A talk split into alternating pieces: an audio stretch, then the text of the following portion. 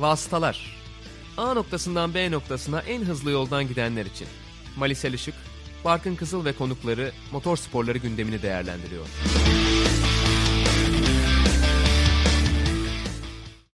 Vasıtaların 24. bölümüne hoş geldiniz. Aynı zamanda ikinci sezonumuzun da 9. bölümü oluyor ve bir yarış bölümüyle sonunda karşınızdayız. Ben Barkın Kızıl, Mali Selçuk'la beraber elbette Avusturya yarış hafta sonunu konuşacağız. Mali hoş geldin. Oh be, hoş bulduk. Özledik değil mi?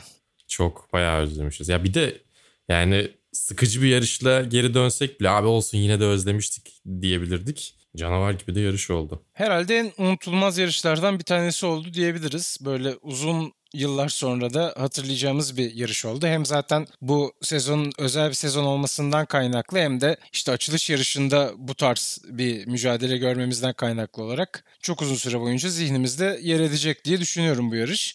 Sıralamayla başlayalım mı Ali istersen? Hadi başlayalım. Aslında ne olursa olsun sıralama seansı başlayana kadar takımlar arasındaki güç dengesini çok fazla anlayamıyoruz. Ama işte sıralama başladığında, parti başladığında diyelim o zaman performanslar ortaya çıkıyor ve Ferrari'den özellikle çok şaşırtıcı bir performans gördük bu anlamda. Yani Beklediğimizin ötesinde çok bile, yavaştı. performans olarak değerlendirmem bile aslında kibarlık yani bence İtalyan takımına. Çok kötülerdi. Çok kötülerdi. Yani bu kadar bu kadar kötü bir sıralama turu performansı yani sen söyledin diye söylüyorum ama gerçekten performans demeye bin şahit ister. Çok kısa bir sezon hani belki avantajla kalınabilecek belki daha uzun tam sezon olsa yakalayamayacağım bir fırsat var ortada ve e, çıkıp böyle bir araçla ortaya çıkıyorsun. Yani çok üzücü gerçekten Ferrari adına. Bir de tabii geçen seneden bu yana e, değiştirmek zorunda kaldıkları çok şey oldu. E, özellikle motor yani güç ünitesini daha doğrusu motorda dememek lazım ama e, güç ünitesini çok değiştirmek zorunda kaldılar ki FIA ile detayları çok dışarıya verilmeyen bir anlaşma içine girmişlerdi. E, onu yapınca e, düzlük hızına ve düzlükte daha rahat işte daha az sürüklenmeye sahip otomobilden biraz daha farklı bir yere doğru e, felsefe olarak gittiler. Fakat yani o felsefe tamamen ters tepmiş gibi görünüyor. Yani şu an düzlük hızına veda etmiş durumda Ferrari. Evet yani o kadar o da yapmasalar düzlük hızı olurdu. ölçüm tablosu vardı biliyorsun. 19'u 20. sıralardaydı Leclerc evet. Vettel ikilisi. Tabi bu sene Monaco yok söylediler mi bilmiyorum onları ama yani. Bu çok kabul edilebilir bir şey değil. Hemen oradan konuya zaten bağlamış olalım. Vettel zaten Q3'e kalamadı. Evet. Bu bir işte problem yaşamadığı tek Q3'e kalamayışı Ferrari ile beraber. 11. sırayı aldı. Leclerc de 10. sırayı aldı. Yani Ocon biraz daha iyi bir tur atsaydı muhtemelen Leclerc de dışarıda kalabilirdi. Herhalde öyle olsa iyice felaket olurdu. Yani ucu ucuna tutturdular ki zaten hadi diyelim ki yine sadece Vettel elendi. Leclerc Q3'teyken Valtteri Bottas'ın spini olmasa e, büyük ihtimalle Ricardo'yu da geçirecekti. Yani biraz o onları kurtardı. Hatta işte yani hakikaten 10 ve 11 kalkabilirlerdi gibi duruyor. Yani tek turda böyleler nasıl düzelecek tabii. Yani hani sezon içerisinde nasıl olacak? Macaristan'a çok ciddi bir güncelleme getireceğiz diyorlar da yani o zamana kadar sezonu neredeyse çöpe atmış oluyorsun. Çok kısa bir sezon bekliyoruz. Üstüne üstlük mevcut durumdan dolayı araç geliştirme de durdu. Önümüzdeki yılda çoğunlukla bu araçla yarışacaklar. Çok fazla bir yerini değiştiremeyecekler. Yani neredeyse bir buçuk sene e, eziyet çekecekler gibi duruyor. Valla pek iyi görünmüyor açıkçası işler. Ki ona rağmen aslında yani sıralama turu e, çok kötü geçmesine rağmen yine olabilecek en iyi günler, günlerden birini geçirdiler. Pazar günü bence muhteşem geçirdi. Ferrari onu söyleyebilirim ama oraya gelmeden önce sıralamadan devam edelim. Bir Tabii. başka konu başlığı da Hamilton'ın aldığı sıralama cezasıydı ki bu da çok enteresan oldu. Ee, gece yattığımızda Hamilton farklı bir pozisyondaydı gridde. ikinci sıradaydı. Sabah kalktığımızda değildi Red Bull'un itirazı sonrasında. Ya bence çok geç verilmiş bir karar. Yani illa Red Bull'un böyle bir yeni işte görüntüyle gelmesine ihtiyaç duymamaları gerekiyor FIA'nın ve hakemlerin. O konularda gerçekten tembelliklerini farklı farklı zamanlarda çok görüyoruz. Yani bir şeyi araştırıyorsan e, bir sürü görüntü senin elinde var zaten. Senin elindeki görüntüyle geliyor neredeyse Red Bull sana büyük ihtimalle. Yani e, o açıdan ben evet ceza haklı bir ceza. Ki Hamilton'da Büyük ihtimalle işte yine e, ilk turdan çok emin olamadığı için ki ilk turda silindi aslında. İkinci tur yüzünden ceza geldi ama bir şekilde gridde beşinciliği korudu. Yani normal şartlar altında ceza anında gelse iki turda iptal olsa bayağı geriden başlayacaktı. Bir de bu Red Bull'un ikinci itirazı oldu bu hafta sonu Mercedes'e karşı olan. Önce de bir DAS'a itiraz ettiler. Hı hı. Hatta Christian Horner da diyor ki hı hı. işte DAS'a itiraz ettik ki bu sayede sistemin gerçekten legal olup olmadığını görüp işte bundan sonra biz de benzeri bir şekilde bir şeyler yapmayı düşünüyoruz şeklinde bunu açıkladı. O, o çok makul geldi bana. Yani biz de bunu yapabiliyor muyuz? Onu bir kesin söyleyin ki biz de yapalım gibi. Bunlar yapmasından ziyade biz de yapabiliyor muyuz gibi bir soruyla geldiler. Ki zaten Toto Wolff'e teşekkür etmişti Red Bull'a bu süreci güzel yönettikleri için. Yani Muhtemelen bence Red Bull'dan da DAS göreceğiz herhalde bu sene. Hı hı, öyle görünüyor. Ee, sıralamayla ilgili ekleyeceğim bir şey yoksa yarışa geçelim istersen. Ya Hamilton'ın baskı altında e, biraz daha hata yaptığını gördük. Çünkü ya şöyle bir durum var. Şimdi şu anda içerisinde bulunduğu, e, başını çektiği bir e, sonuçta toplumsal toplumsal da dememek lazım. Ne demek lazım? E, insan haklarına dair bir hareket var. Onun zaten bir baskısını e, üzerinde hissediyordur diye tahmin ediyorum. Onun dışında sezon başlamadan önce e, çocukcağızın köpeği öldü. Yani duygusal da bir adam aynı zamanda. Onun dışında 7. şampiyonluk baskısı var üzerinde. Onun dışında sezon çok daha kısaldı. Her kötü hareketi daha doğrusu her hatası daha kurtarılamayacak bir noktaya gelebilir ki mutlaka 2016 sezonunu hatırlıyordur diye düşünüyorum o tarz bir sezona baktığında. E, bütün bu baskılarla birlikte Hamilton çok uzun zamandır görmediğimiz kadar e, hataya müsait hale geldi gibi bir sıralamada biraz onun emarelerini gösterdi Şunu da ekleyeyim mi Yarışta buraya? da gördük zaten. Rosberg şu anda Bottas'la aynı süreyi geçirdiğinde Hamilton'ın elinden şampiyonluğu alıyor. Yani aynı noktalar Bottas'la. Güzelmiş. Öyle de bir istatistik var. Ya tabii Rosberg'inki çok acayip bir işti. Bir sezon boyunca o baskıyı kaldırmak da onun adına çok zordu yani. yani onunki de ciddi bir mental savaş tabii ki. Ama tabii bir de şöyle bir durum var. Rosberg ile Hamilton çok daha kafa kafaya çarpıştılar. Bottas Hamilton gibi değil. O noktadan hemen Bottas'a geçelim. Hadi. Ee, yarışı kazanmayı başardı ve kısa sezonu galibiyetle açtı. Bu çok önemli olacak bence kendisi Hı-hı. için. Ee, Bottas 2.77 versiyonuna geçmiş gibi gerçekten. hem sıralamada işte Hamilton'ın sayılmayan turundan da zaten daha hızlıydı. Çok ufak bir farkla da olsa. Hem de yarışta gerçekten hiç arkasına bakmadan devam etti. Ki arkada neler neler oldu zaten birazdan konuşacağız.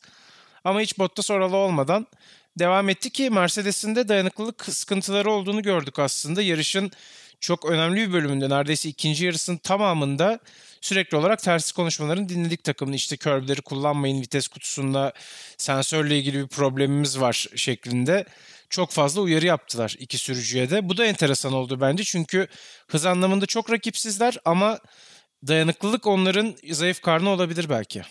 Yani dayanıklılık herkesin zayıf karnı gibi görünüyor. Sezonun bu noktasına gelindiğinde yani aslında biz şey gibi düşünüyoruz artık işte yaz geldi. Sezonun artık ritmini bulduğu bir andayız gibi düşünüyoruz ama aslında Mart ayında gibiyiz. Yani sezonun ilk yarışıydı.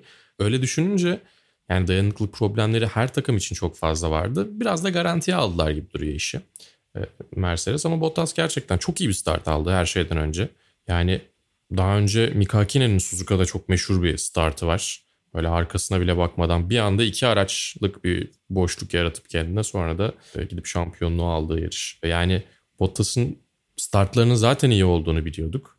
Ama ne olursa olsun dediğin gibi baskı yaratabilecek pek çok farklı faktör var. Garip bir sezon zaten. Yani ne olursa olsun e, ağzında maskeyle etrafta kimse yok. Yani e, bunların hepsi mutlaka etkiliyordur ama pilotlar içerisinde kafa olarak en rahat Bottas'ı gördüm ben. Bunu da bir avantaja çevirebilir diye düşünüyorum. Hem Bottas hem de Mercedes. Tabii Hamilton hariç demek lazım Mercedes'le ilgili. Çünkü şimdi bombayı kucağında buldu. Çok fazla yarış yok. Yani yarış eklenirse tabii takvime belki o zaman daha farklı konuşabiliriz ama 8 yarış olacağını varsayarsak e, şimdiden Bottas biraz fark ama. yaratmış gibi gözüküyor. Yani Çünkü önemli. ikinci sırayı koruyamadı Hamilton. E tabii bir de dördüncü bitirdi yani sonuçta yarışı az buz bir puan farkı değil. Her şey çok kıymetli. Ama ne olursa olsun yani eğer fırsat olursa e, tabii ki Mercedes tarih yazma şansı varken elinde Hamilton'ı tercih edecektir diye düşünüyorum. Yani hani Hamilton birkaç yarış daha böyle tökezlemezse e, bir şekilde Mercedes'in birinci tercihi olmaya devam edecektir. Yani ne olursa olsun işte bırakmaya çalıştıkları izle de alakası var. Ama Valtteri Bottas'ı da takdir etmeden geçmeyeceklerini düşünüyorum. Çünkü ya o konuda bence yönetimi iyi yapıyor Mercedes pilotları arasında. Yani geçtiğimiz yıllarda kaç kere Bottas'a yol verdirdiler mesela. Ama hiç bunu yaptıkları yöntem daha önce Ferrari'den gördüğümüz kadar kötü gelmedi bana. Bilmiyorum katılır mısın ama yani bir sanki üslupta çok ufak bir fark var gibi geliyor ve o bile aradaki ilişkinin daha düzgün gitmesini sağlıyor. Evet sanki o Bottas'ın da biraz bence uyumluluğuyla alakalı gibi. Ama ne Ha, olursa olabilir. olsun karşılıklı hani böyle bir saygı hissetmeseler bence Bottas da zaten böyle davranmaz. Demek ki o hissiyatı alıyor zaten takımından. Ee, zaten kazandıktan sonra çok güzel bir şey söyledi. de ilk yarışını kazandı. Yani devamı gelecek gibi Bottas'a ucu açık bir Hı hı. mesaj gitti. E bence bu anlamda çok hoş tabii ki. Yani tabii ki Hamilton'da gözler ama Bottas'ın da kazanmasını takım gayet destekliyor şu anki görünüme göre. Önemli olan takım ne olursa olsun. İkinci sıra tabii ki Leclerc'in oldu ki bunu biraz övmek zorundayız muhtemelen. Hadi. Tabii Çünkü ki. şöyle bir baktığımız zaman gerçekten güç dengesinde Ferrari iyi ihtimalle en iyi dördüncü takım olarak gözüküyor bence. Evet. Yani 5 de diyebilirsiniz ona ve buradan bir ikincilik çıkartmayı başardı Leclerc. Hakikaten çok enteresandı. Çok istikrarlı bir sürüş yaptı bana sorarsan yarış boyunca. Hiç çizgisini bozmadan hep yoluna bakarak devam etti ve işte olan olayların da ışığında kendisinin de son bölümde özellikle biraz vites arttırmasıyla beraber ikinci sırayı aldı. Yani bir fırsat bulduğu için sonuçta ikinci bitirdi ama yani o fırsat herkesin önüne çıkıyor. Değerlendirebilen oraya kadar çıkıyor. Yani ikincilik gerçekten olabilecek en iyi sonuçlardan bir tanesiydi bence. Ee, Ben çok takdir ettim ve neredeyse çaktırmadan geldi diyebilir miyiz oraya? Diyebiliriz bence. Değil mi? Kesinlikle diyebiliriz. Yani şeyi gördüm biraz. Baskı ya da şöyle diyeyim başarısızlık beklentisi olmasına rağmen o vazgeçmemek çok önemli. Buna sahip Leclerc. Bunu çok net bir şekilde gösterdi. Çünkü hayal kırıklığına uğradığı barizdi. Özellikle dün hatırlayacaksın sıralamalarda işte güvende miyiz diye soruyor takımına. Evet 10. sıradasın diyorlar. Bu çok çılgınca diyor cevaben Evet. çok memnuniyetsiz bir cevap veriyor aslında. Ama buna karşın hakikaten hiç nasıl diyeyim bozmadan tamamen yarışa konsantre bir şekilde devam etti ve ödülünü aldı aslında. Yani şu haldeki Ferrari için çok kıymetli bir ikincilik öyle söylemek lazım. Bu fırsatlar çok fazla karşılarına çıkacak gibi durmuyor. Çıkmışken değerlendirmiş olmaları da e, bence onlar adına güzel. Ama bir taraftan bir de madalyonun öteki yüzü var. Vettel de bir o kadar kötü bir yarış geçirdi. Ben onun yerinde olmak istemezdim gerçekten. İstersen konusuna girmişken Fethel'i de konuşalım. Ferrari'yi en azından kapatmış olalım böylece. Hı hı. Ee, Biraz yine biraz mod- modumuzu düşürelim sonra Lando Norris'te çıkarız. evet aynen öyle. İkinci güvenlik aracı periyodunun ardından çok enteresan bir şekilde yine spin attı. Yani artık ne kadar haber değeri var bunun bilmiyorum. Ama bir spin daha görmüş olduk. Vettel'den yeni sezonda yine bir sürücü hatasıyla başladı. Hatta o olaydan hemen sonra da Sainz'la ikisi arasında bir inceleme oldu. Acaba Sainz'in bir teması mı var diye. Ama çok net bir şekilde Vettel'in kendi kendine bu spin attığı zaten belliydi ki incelemede bir buçuk iki dakika falan sürdü. Yanlış hatırlamıyorsam. Ee, Yani üst- ne olacak üstün, Vettel'in e, hali? Hakemler, Öyle diyeyim. Üstün hakemler 1,5-2 dakika 10 saniyelik şeye harcamışlar. Ya şöyle Vettel'in araçla ilgili problemlerini anlayabiliyorum. Yani bu Vettel'i kötü bir pilot kesinlikle yapmıyor ama yani gerçekten onun yerinde olmak istemezdim. Çünkü tamamen kendi hatasıyla yaptığı bir e, kaza.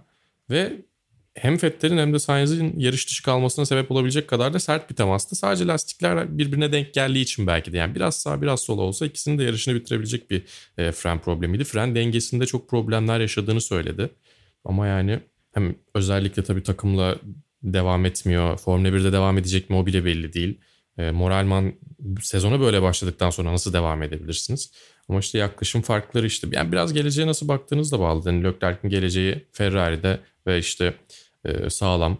Vettel'in olaya bakışı çok daha farklı. Özellikle bu karantina döneminde bazı şeyleri değerlendirdim diyordu. Sen de daha önceki bölümlerde de bahsetmiştik. Ya bunların hepsi ufak ufak da olsa etki ediyor ve işte yaptığınız her hareketin normalden daha fazla etki ettiği bir sezon içerisindeyiz. Bence o kadar çok e, kontrast görmemizin sebebi de o. Leclerc ile Vettel arasında. İstersen çok az değinelim. Bu hafta sonu çünkü Vettel açıklama yaptı. Bana hiçbir zaman kontrat önermedi takım dedi bu sezon e, sonrası için. Önümüzdeki yıllar için daha doğrusu öyle diyeyim. Tabii bu da yeni bir açıklama oldu aslında bizim için ama tabii yarışın gündeminde biraz kaybolup gidecek. İstersen bir iki cümlede onun hakkında edebilirsin. Yani sen de bunu daha önce de özel muhabbetlerimizde konuştuk ama bir şekilde Ferrari'de hatta o İtalyan takımlarının çoğunda var. Ducati'de benzer bir şey şu an Andrea Dovizioso ile yaşıyor. Niyeyse başka birini tercih etmeyi kesinlikle ayıp etmiş gibi göstermeyi başarabiliyorlar. Niye öyle bilmiyorum. Yani çünkü biz Sainz'i istiyoruz deseler ve bunu Fettel'le konuşmuş olsalar aslında normal şartlarda bakıldığında bana garip gelen bir şey olmaması gerekiyor.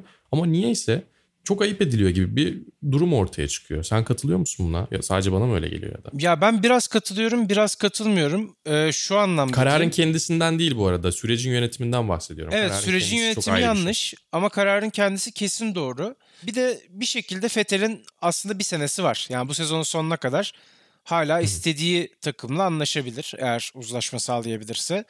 Bu anlamda bence çok çok büyük bir ayıp etmiyorlar ama evet bir ayıp var ortada. Ona da katılmak zorundayım. Yani kararın kendisi değil dediğim gibi ama olayı nasıl yönettikleri konusunda hep bir sıkıntı var. İşte o kültür problemi işte konuştuğumuz şeyler hep daha önceden. Zaten belki de takımın burada olmasının sebeplerinden de bir tanesi. Evet böylece Ferrari'yi de kapatmış olalım. Gerçekten çok kıymetli bir ikincilik aldı ki herhalde Avusturya'nın bir sonraki ayağında diyelim. ikinci Avusturya Grand Prix'sinde. Podyum çok kolay olmayacak gibi gözüküyor eğer yine benzeri bir senaryo yaşanmazsa yarışta. Belli de olmaz hiçbir şey diyemiyoruz. Ben, ben de bir şey diyemiyorum ama öyle yorumlasak sanki daha doğru olacak gibi. ee, tabii Lando Norris üçüncü ismimiz podyuma çıktı kariyerinde ilk defa. Herhalde sevinen insan çok olmuştur. Çok sempatik bir sürücü gerçekten. Sevinmeyen olmamıştır diye tahmin ediyorum. Yani şöyle e, hani Hamilton'ı tuttuğu için belki hani sevinmeyen olabilir. Karşı tarafında olduğu için sevinmeyen olabilir ama Lando Norris adına sevinmeyecek çok fazla kişi yoktur diye tahmin ediyorum. Çok sempatik bir çocuk çünkü. Bu aslında McLaren üst üste ikinci podyum olmuş oldu. Hatırlıyorsun Sainz'dan sonra Norris aldı bu kez podyumu. Abu Dhabi Grand Prix'si nasıl şey yapıyoruz? Nasıl saymıyoruz değil mi? değil mi? Tabii tabii. Sezon hep Brezilya'da bitiyormuş gibi geliyor. Bir türlü alışamadık ona. Ama bu üst zaten bir ikinci. vasıtalar klasiği. O yüzden üst üste ikinci podyumunu evet, evet. almış oldu diye geçtim ben.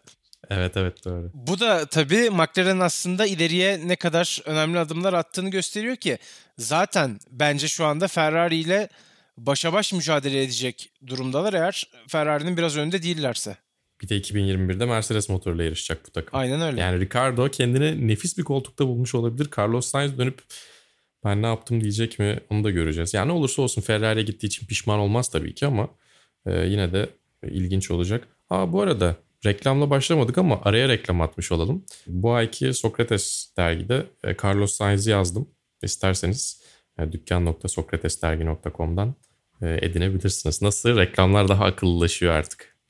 Bence Baştaki kısımda değil. Çok Ortada. çok güzel entegre ettin. Tam konusu evet. geldiği zaman. Sainz de tekrar iyi bir yarış geçirdi bu arada.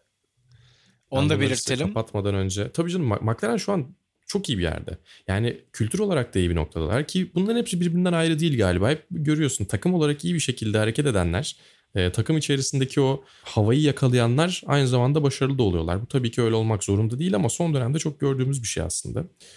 Yani McLaren sponsorlar toplamaya devam ediyor.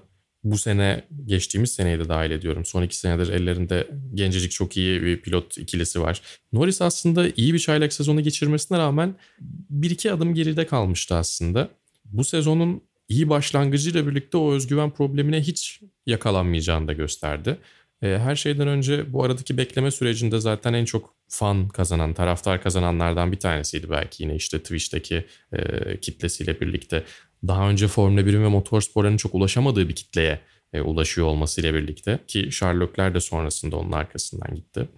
Yani Lando Norris de çok bambaşka bir hayran kitlesine sahip olabilecek noktada ki bu kadar başarılı olmasa bile o kadar hayran olabilecek bir isimken üstüne bir de bunu başarılı bir şekilde ortaya koyması çok iyiydi. Bir de yani dirseklerini çıkardı kazıya kazıya geldi neredeyse oraya. Ee, Sergio Perez'i geçişi inanılmazdı bence ki Sergio Perez'i her ne kadar sevmesem de takdir ediyorum diye söylüyorum. Sevmememin sebeplerinden bir tanesi ikili mücadelelerde e, aracı çok çarpışan otomobil gibi kullanıyor olmasıydı. Burada da benzer bir şey yaptı aslında ama Lando Norris'in çok umurunda olmadı. Sonrasında 4.8 e, saniye oldu fark. Yani son turun son sektöründe kapandı herhalde değil mi? 5.1 5.2 de aslında 5 saniye cezasıyla birlikte Hamilton'ın e, Lando Norris'le farkı. Galiba 0.7 saniye ihtiyacı vardı Lando Norris'in yanlış hatırlamıyorsam. Yani son, son sektörde ucu ucuna e, yakalandı. E, o da inanılmaz oldu yani. Hani bekliyorduk böyle ciddi anlamda bir gerginlik vardı herkesin üstünde. Ve en hızlı turu atarak son turu tamamladı onu da söyleyelim. Doğru. Hiç kolay değil gerçekten. Çünkü Mercedeslerin tempo farkını gördük. E, o tempoyla attıkları turlardan daha hızlı bir son tur attı. Kullanılmış lastikle demek çok doğru olur mu bilmiyorum çünkü güvenlik aracı E, sonrası araç hafifliyor falan hani sonuçta hani Doğru. avantajı var dezavantajı var. Ama Mercedes'lerde olabilecek en hızlı şekilde kaçmaya çalışıyorlardı onlardan. Çünkü 5 saniye fark yapması gerekiyordu Hamilton'ın. Ee, öyle bakıldığı zaman. Bu anlamda tek turda Yani Hamilton'ı yendi güzel. diyebiliriz aslında. E, evet diyebiliriz. Ya bir de o 16 puan değil mi? 16 puan yapıyor. Bence ilk, ilk yarış için nefis bir sonuç. Yani hani üstüne e, en azı turla birlikte. Yani günün pilotu diyebileceğimiz pek çok isim oldu aslında. E, Leclerc'le birlikte herhalde Lando Norris'i yan yana koyuyoruz. Ya Bottas'ı da koymak gerekiyor işte ama belki biraz daha e, spektaküler noktaya doğru mu gidiyoruz? Biraz Albon'u da koymak pilotu- gerekiyor biliyor musun aslında? Yani Hadi ondan da bahsedelim. yarış galibiyetine gidiyor olabilirdi Alex Albon. Evet. Ki o da hala kariyerinde podyum arıyor değil mi Mali? Yanlış hatırlamıyorum. Evet evet. Ee, çok yakındı. Çok yakındı. Yani agresif yarışmasa üçüncülüğü garanti gibiydi bir başka mekanik problem yaşamadığı sürece. Ama Hamilton'ı geçerken bir kez daha temas ettiler. Şimdi yine Abu Dhabi'yi saymıyorum. Geçen sezonun sonunda da yine Son yarışında. aynı evet, son yarışında aynı şekilde bir temas olmuştu ve yine McLaren podyuma çıkmıştı. Bu defa yine olan Albon oldu aslında. Değişik bir tür Robin Hood gibi değil mi Hamilton? Albon'dan alıyor McLaren'a veriyor. Evet. Acaba Yani şöyle Britanyalılıktan mı kaynaklanıyor? McLaren'a mı hediye etmek istiyor? Ya Albon da Britanya Doğru, bayrağı. Şey, doğru. Ya Britanya asıllı. Hani Tay bayrağıyla yarışıyor gerçi ama. Ya şöyle bir durum var şimdi. e, yine baskı altındaki bir ufak hata. Yani şey değil. e, direksiyon hareketi hiçbir zaman sola doğru ilerlemiyor ama kafadan kaymaya başlıyorken onu durduracak herhangi bir şey yapmıyor Hamilton aslında. Yani Albon'un yaptığı atak riskli bir atak ama o hata kotarmış aslında temas yapıldığı noktada. Çünkü Albon'un sağ arka lastiği Lewis Hamilton'ın sol ön lastiğine denk geliyor. Evet. O yüzden ceza 5 tane cezası makul. Ya 5 tane cezasını indirgendi artık. Normalde pitten geçme cezası diye düşünüyorduk bu tarz e, temasları eskiden ama Bence 5 son tane cezası makul gelindi. değil bu arada. Biraz hafif. Ha şöyle yakın dönemdeki örneklerine bakarsak makul gibi duruyor. Ama pitten geçme cezası verilse de abi çok ağır oldu demez kimse diye tahmin ediyorum. Çünkü e, kaçış alanı yok orada. Direkt olarak çakıl havuzuna fırlatıyorsun rakibini. Yani hani sonuçta e, tabii ki bir kasıt yok. Tabii ki bir panik hatası değil Hamilton'dan. Ama önlenebilir bir durumdu bence. Bu arada Yani Albon oradan galibiyete gider miydi? Gidebilirdi. evet Tabii tam onu söyleyecektim. Ee, yumuşak lastikler vardı Albon'un Red Bull'unda. Mercedesler sert hamur lastikle devam ediyorlardı. Çünkü pite gelmemeyi tercih etmişti Mercedes takımı. Hem Bottas'la hem Hamilton'la. Ee, o kadar da büyük bir tempo farkı aralarında olmayabilir. Yani Red Bull'un oradan galibiyete gitmesi bence söz konusu olabilirdi açıkçası.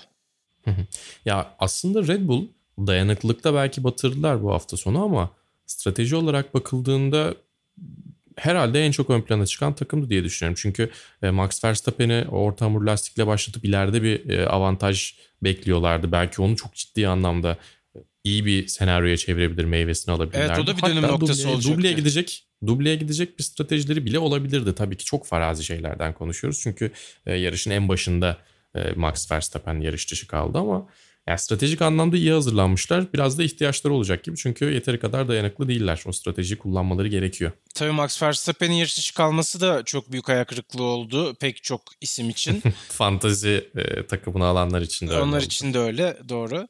Ee, Christian. Christian Horner Christian Horner e, sürekli Max Max Max Max diyor farkında mısın bilmiyorum. Çok fazla Albon'dan bahsetmiyor. Herhalde onlar için de biraz ders olmuştur bu durum. Ve ben şöyle bir E, istatistik yani. Takip ediyorum. Albon Red Bull'a geldiğinden bu yana Max Verstappen'i yeniyor. Yani birebir Evet düelloda mi? Albon Verstappen'in önünde. Buna karşın Ya takım Verstappen'in hep, hep Max başına bir şeyler geldiği için ama ne olursa olsun. Ya takım kendini Max üzerinden tanımlamak zorunda abi. Çünkü geleceğin şampiyonu olarak görülen adam Max Verstappen. Ama Alex Albon'a da ya dur bakalım senin daha e, rüştün henüz ispatlanmadı demek de çok doğru değil gibi geliyor. Çünkü gerçekten yetenekli bir adam var ellerinde. Pierre Gasly gibi, Daniel Kvyat gibi değil ki onlar da kendi içlerinde çok yetenekli pilotlar olmalarına rağmen. Ya iki kere Hamilton'a şu temas etmese şu an iki değiller. podyumu vardı bu arada. Evet mesela değil mi? Doğru. Hatta belki işte yani bir, yarış bir birinciliği tanesi vardı tamamen belki. Hamilton'ın hatasıydı. Yani Brezilya'daki tamamen Hamilton'ın hatasıydı. Ki aslında ona e, Brezilya %50 %50 idi. Burada bence ben daha haklıydım dedi Albon. Bir de ne olursa olsun sonrasında yaptığı açıklamalara falan da çok dikkat ediyor. Dedi ki şu an e, olay çok sıcak. Ben kafamı topladıktan sonra hem Lewis'le konuşacağım. Size de biraz cümlelerimi seçerek söylemem gerekiyor dedi. Yani karakter olarak da bence çok doğru bir karakteri olduğunu düşünüyorum. Ve karşılığını alacaktır mutlaka. Sevgili kankam Albon pırlanta gibi bir evlat yetiştirmiş diyebiliriz herhalde. Diyebiliriz diyebiliriz. Hakikaten öyle. Peki o zaman Racing Point'le devam edelim. Bu sezonun öne çıkan bir başka takım aslında. Bu da çok iyi oldu. Ferrari'yi de oraya koyarsak aslında 5 takımdan iddialı olarak bahsedebiliyoruz. Hadi Ferrari'yi belki biraz işte marka büyüklüğünden dolayı oraya koyuyoruz ama gerçekten çok hızlı takımların artması, hızlı takımların artması bence seyir zevkini aşırı arttırıyor. İşte McLaren Racing Tabii ki. Point ikilisinin oralarda olması yarışı da çok keyifli bir hale getirdi. Sıralamayı da çok keyifli bir hale getirdi. İlk serbest antrenmandan beri Racing Point araçlarının yağ problemi, yağ yakma problemi olduğunu görüyorduk. Seninle de zaten eş zamanlı izledik antrenmanları. Ee, özellikle Perez'in aracında çok fazla bu anlamda sıkıntı olmuştu ama bu kez Piango Stroll'e vurdu yarışta. Evet ilginç oldu. Biraz ters köşeye yattık o konuda. Acaba otomobilleri mi değiştirdiler? Ee, şakası Ya- bir yana Yok Perez bir yarışta da tutuyordu bu arada. Yani değiştirmediklerine eminiz. yani şöyle diyeceğim. Perez pit alanında hız yaptığı için 5 saniyelik bir ceza aldı. Bu da çok aslında alışkın olduğumuz Checo değil. Hani o daha çok hatasız istikrarlı yarışmasıyla biliniyor. Acaba biraz yukarılara oynamak ellerini zorluyor mu? Ya da kendilerini kafaca zorluyor mu? Daha doğru ifade etmek gerekirse. Çünkü yarış sırasında da biraz fazla agresif davrandı. Norris'le mi temas yaşamışlardı? Hı hı. Çok fazla sanki Perez'den beklemediğimiz iki hata oldu bu bana sorarsan. Yani evet e, podyum fırsatı ortaya çıktığı andan itibaren Evet, onun baskısı baskı gibi oldu. oluşuyor. Ama çok doğal bir şey bu. Yani herkesin hissettiği bir baskı belki. Racing Point önümüzdeki yılda Aston Martin olacak. Tam anlamıyla bir e, fabrika ismiyle yani marka ismiyle belki insanların daha net bir şekilde göreceği bir takım haline gelecek.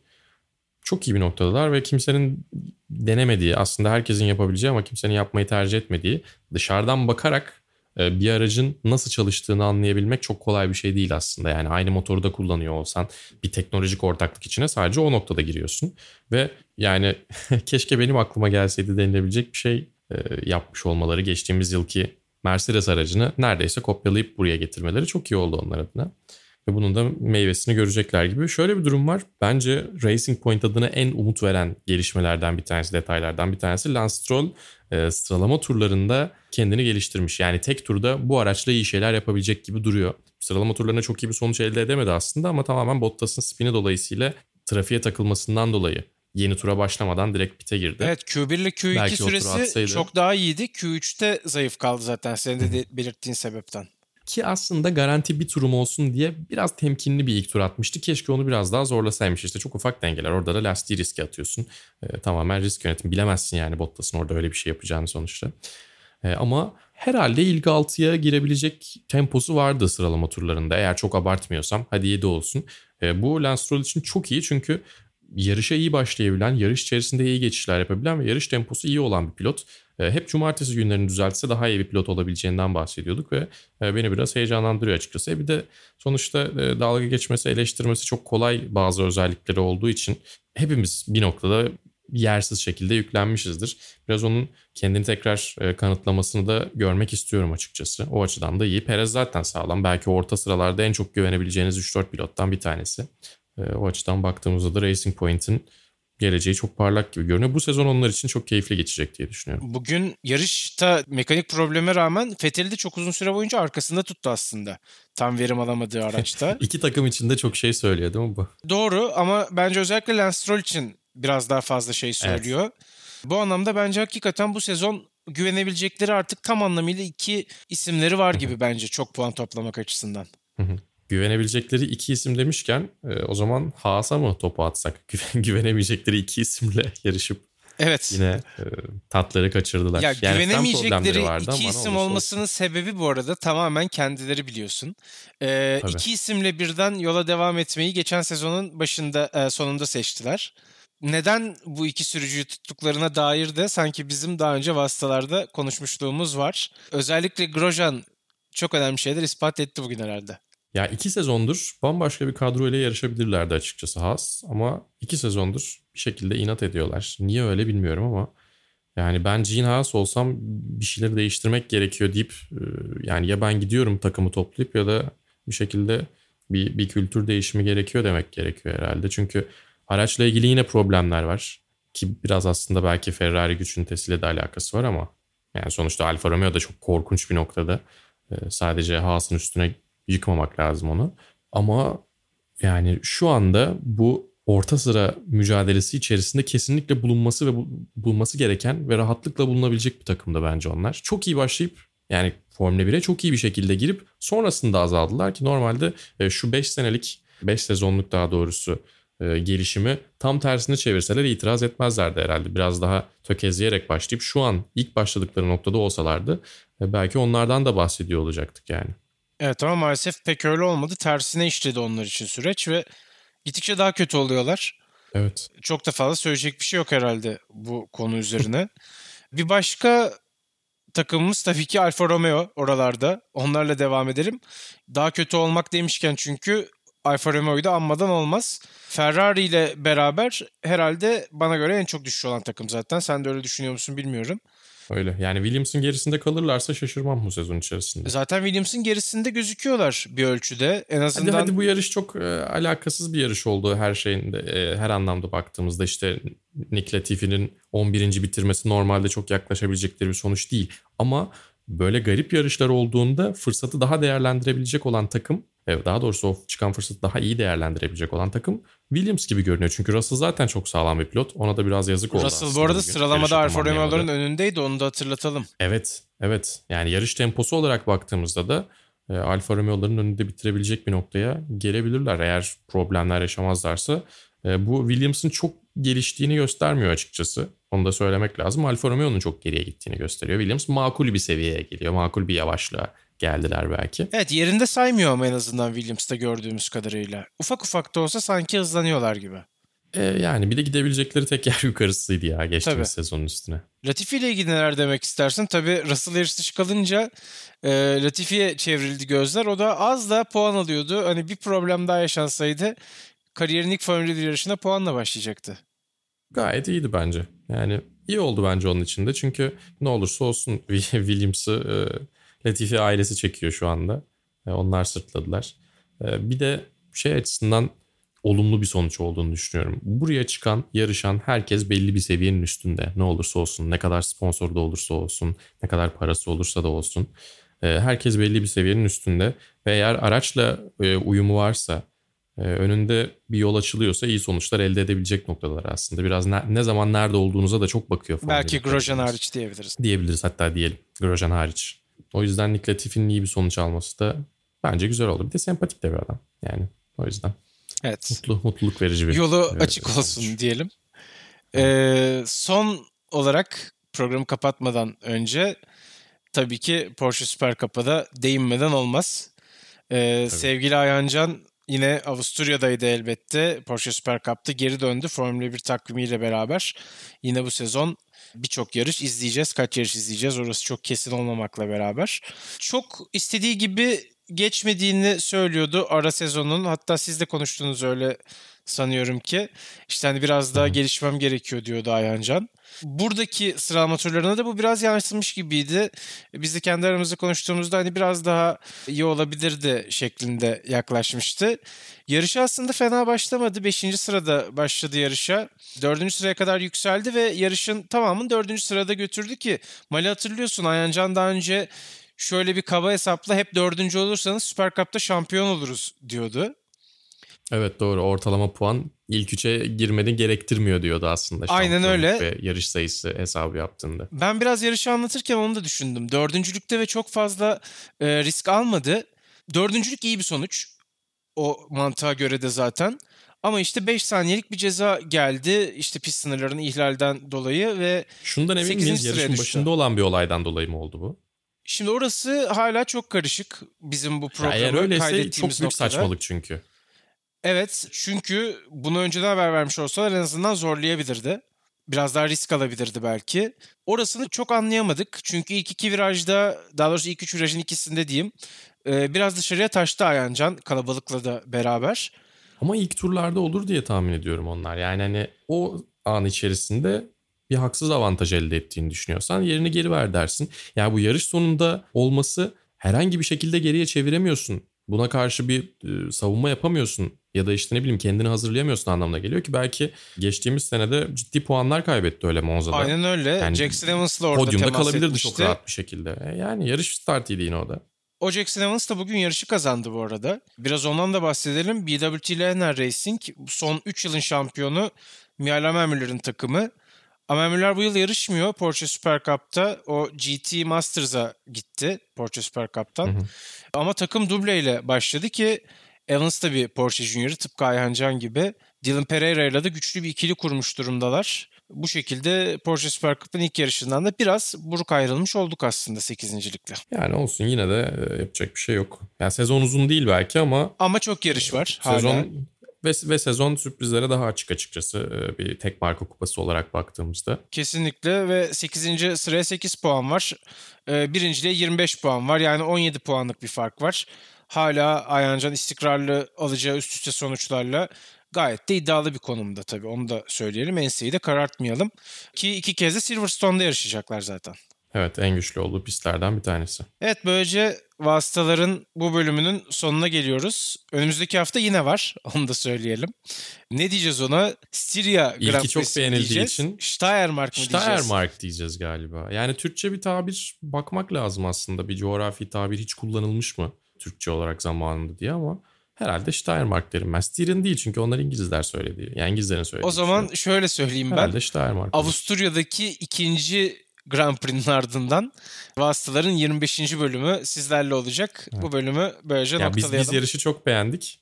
Evet. Ee, değil mi? O yüzden aynısından bir tane daha istiyoruz önümüzdeki haftaya. Burada güzel oldu. Bir daha yapalım senin de tabirinle. Hı hı. Bu formülü devreye sokacak Formula 1 önümüzdeki hafta. Ben Barkın Kızıl, Malis Elişik'le beraber Vasıtaların bu bölümünde sizlerle birlikteydik. Önümüzdeki hafta tekrar görüşünceye dek hoşçakalın. Hoşçakalın.